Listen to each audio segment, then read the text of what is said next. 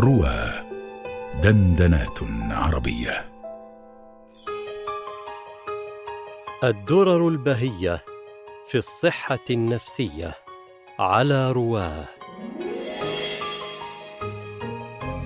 هذا البودكاست برعاية إيوان للطب النفسي مكان تثق فيه.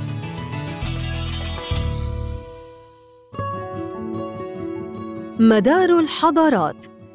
سلامة الإنسان الذي ينهض بها ويحافظ عليها. ومدار سلامة الإنسان صحته البدنية والنفسانية.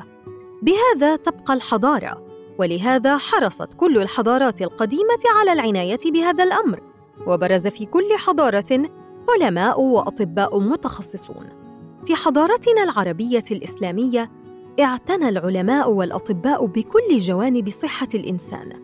وأخذوا ما تركه القدماء من الحضارات البائدة. ونقحوه وصححوه وطوروا عليه. بل وأضافوا إليه ابحاثا جديدة لم تطرق من قبل. وراكموا خبرتهم وإنتاجهم عبر تراث طويل. ومن بين أهم ما اعتنوا به في صحة الإنسان صحته النفسانية. سواء في الجانب الوقائي حفظ الصحة أو في الجانب العلاجي إعادة الصحة. وتعقبوا كل ما أمكنهم اكتشافه من الآفات النفسانية فتتبعوا أعراضه وحددوا أوصافه ووضعوا برامج علاجية بالعقاقير أحيانا وبالسلوكيات المعرفية أو الجدالية أو المهارية أحيانا أخرى. من بين الآفات النفسانية أو الاضطرابات النفسية التي اهتموا بتناولها داء العشق لما ينطوي عليه من سلوك إدماني ومن إتلاف للنفس. فما الذي سجله أطباء حضارتنا وعلماؤها القدامى من مواصفات يتعرفون بها داء العشق؟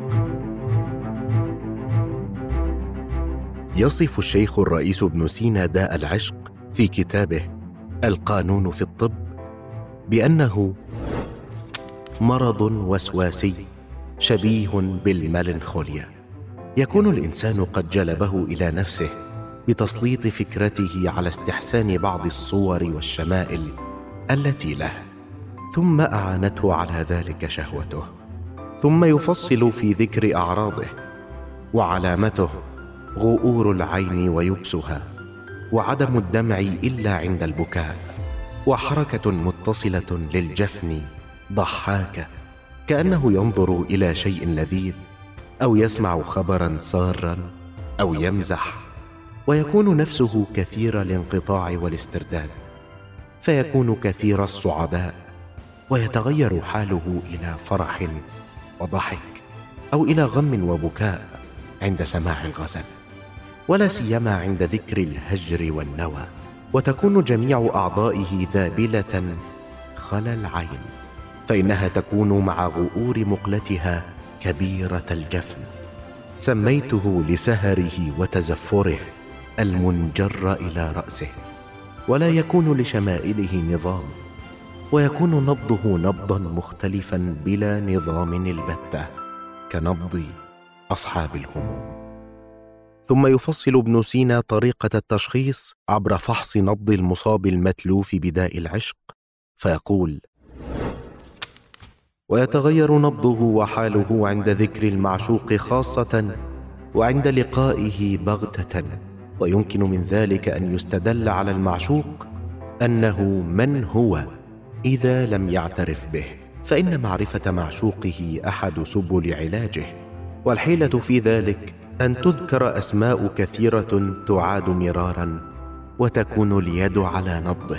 فإذا اختلف بذلك اختلافا عظيما وصار شبه المنقطع ثم عاودت وجربت ذلك مرارا علمت أنه اسم المعشوق. ثم تذكر كذلك السكك والمساكن والحرف والصناعات والنسب والبلدان وتضيف كلا منها إلى اسم المعشوق ويحفظ النبض.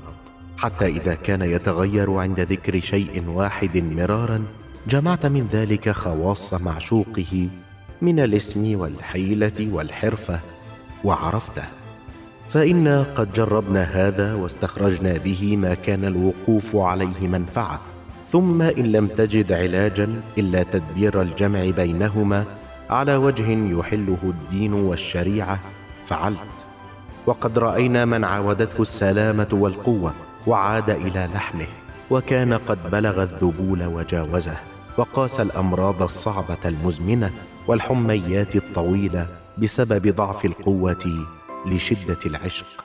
لما أحس بوصل من معشوقه بعد مطل معاوده. في أقصر مدة قضينا به العجب واستدللنا على طاعة الطبيعة للأوهام النفسانية. ويتابعه ابن القيم في روضة المحبين ونزهة المشتاقين بتأكيد نفس التعريف بقوله فالذي عليه الأطباء قاطبة أنه مرض وسواسي شبيه بالمليخوليا. يجلبه المرء إلى نفسه بتسليط فكره على استحسان بعض الصور والشمائل وسببه النفساني الاستحسان والفكر. ثم ينقل عن بعض الفلاسفة تعريفهم للعشق بأنه طمع يتولد في القلب ويتحرك وينمي ثم يتربى وتجتمع إليه مواد من الحرص. وكلما قوي ازداد صاحبه في الاهتياج واللجاج والتمادي في الطمع والحرص على الطلب حتى يؤديه ذلك إلى الغم والقلق فيحصل له فساد الفكر. ومع فساد الفكر يكون زوال العقل ورجاء ما لا يكون وتمني ما لا يتم حتى يؤدي ذلك إلى الجنون. فحينئذ ربما قتل العاشق نفسه وربما مات غما. وربما نظر إلى معشوقه فمات فرحا وربما شهق شهقه فتختنق روحه فيبقى أربعة وعشرين ساعة فيظن أنه قد مات فيدفن وهو حي. وربما تنفس السعداء فتختنق نفسه في تامور قلبه وينضم عليها القلب ولا ينفرج حتى يموت. وحول ما إذا كان داء العشق اختياريا أم اضطراريا لا حيلة للعاشق فيه. فيفصل ابن القيم الجدل فيه ثم يعقب حاسما بقوله إن مبادئ العشق وأسبابه اختيارية داخلة تحت التكليف. فإن النظر والتفكر والتعرض للمحبة أمر اختياري. فإذا أتى بالأسباب كان ترتب المسبب عليها بغير اختياره. وإزاء داء العشق تحديدا تجد في كتب التراث حيلا شديدة الطرافة لعلاج المصابين به. لعل بعضها ما زال مجربا حتى اليوم.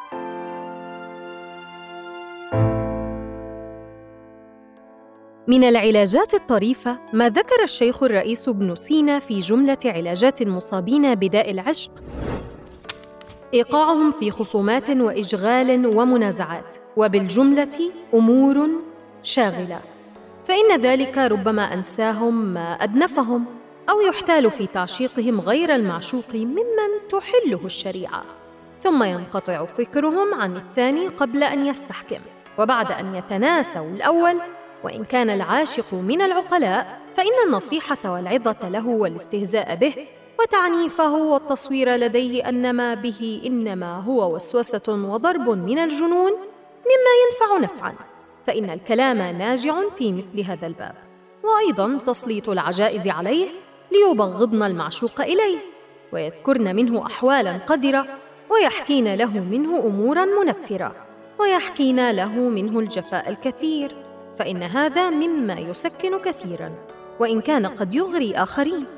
ومما ينفع في ذلك أن تحاكي هؤلاء العجائز صورة المعشوق بتشبيهات قبيحة ويمثلن أعضاء وجهه بمحاكيات مبغضة ويدمن ذلك ويسهبن فيه. فإن هذا عملهن وهن أحدق فيه من الرجال إلا المخنثين. فإن المخنثين لهم أيضا فيه صنعة لا تقصر على صنعة العجائز. وكذلك يمكن أن يجتهدن في أن ينقلن هوى العاشق إلى غير ذلك المعشوق بالتدريج ثم يقطعن صنيعهن قبل تمكن الهوى الثاني.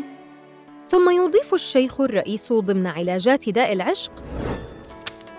ومن الشواغل المذكورة اشتراء الجواري والإكثار من مجامعتهن والاستجداد منهن والطرب معهن.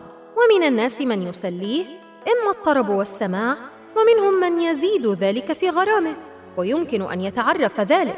وإما الصعيد وأنواع اللعب والكرامات المتجددة من السلاطين وكذلك تنوع الغموم العظيمه وكلها مسلي بينما اعتمد ابن القيم مسارا أكثر مباشرة في علاج داء العشق بدأه بالتوضيح وقد جعل الله سبحانه وتعالى لكل داء دواء ويسر الوصول إلى ذلك الدواء شرعا وقدرا. فمن أراد التداوي بما شرعه الله له واستعان عليه بالقدر وأتى الأمر من بابه صادف الشفاء ومن طلب الدواء بما منعه منه شرعا وإن امتحنه به قدرا فقد أخطأ طريق المداواة وكان كالمتداوي من داء بداء أعظم منه.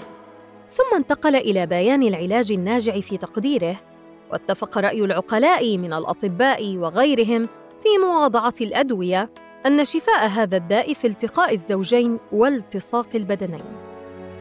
لعمري إني للمحبين راحم وإني بستر العاشقين حقيق. سأجمع منكم شمل ود مبدد وإني بما قد ترجواني خليق.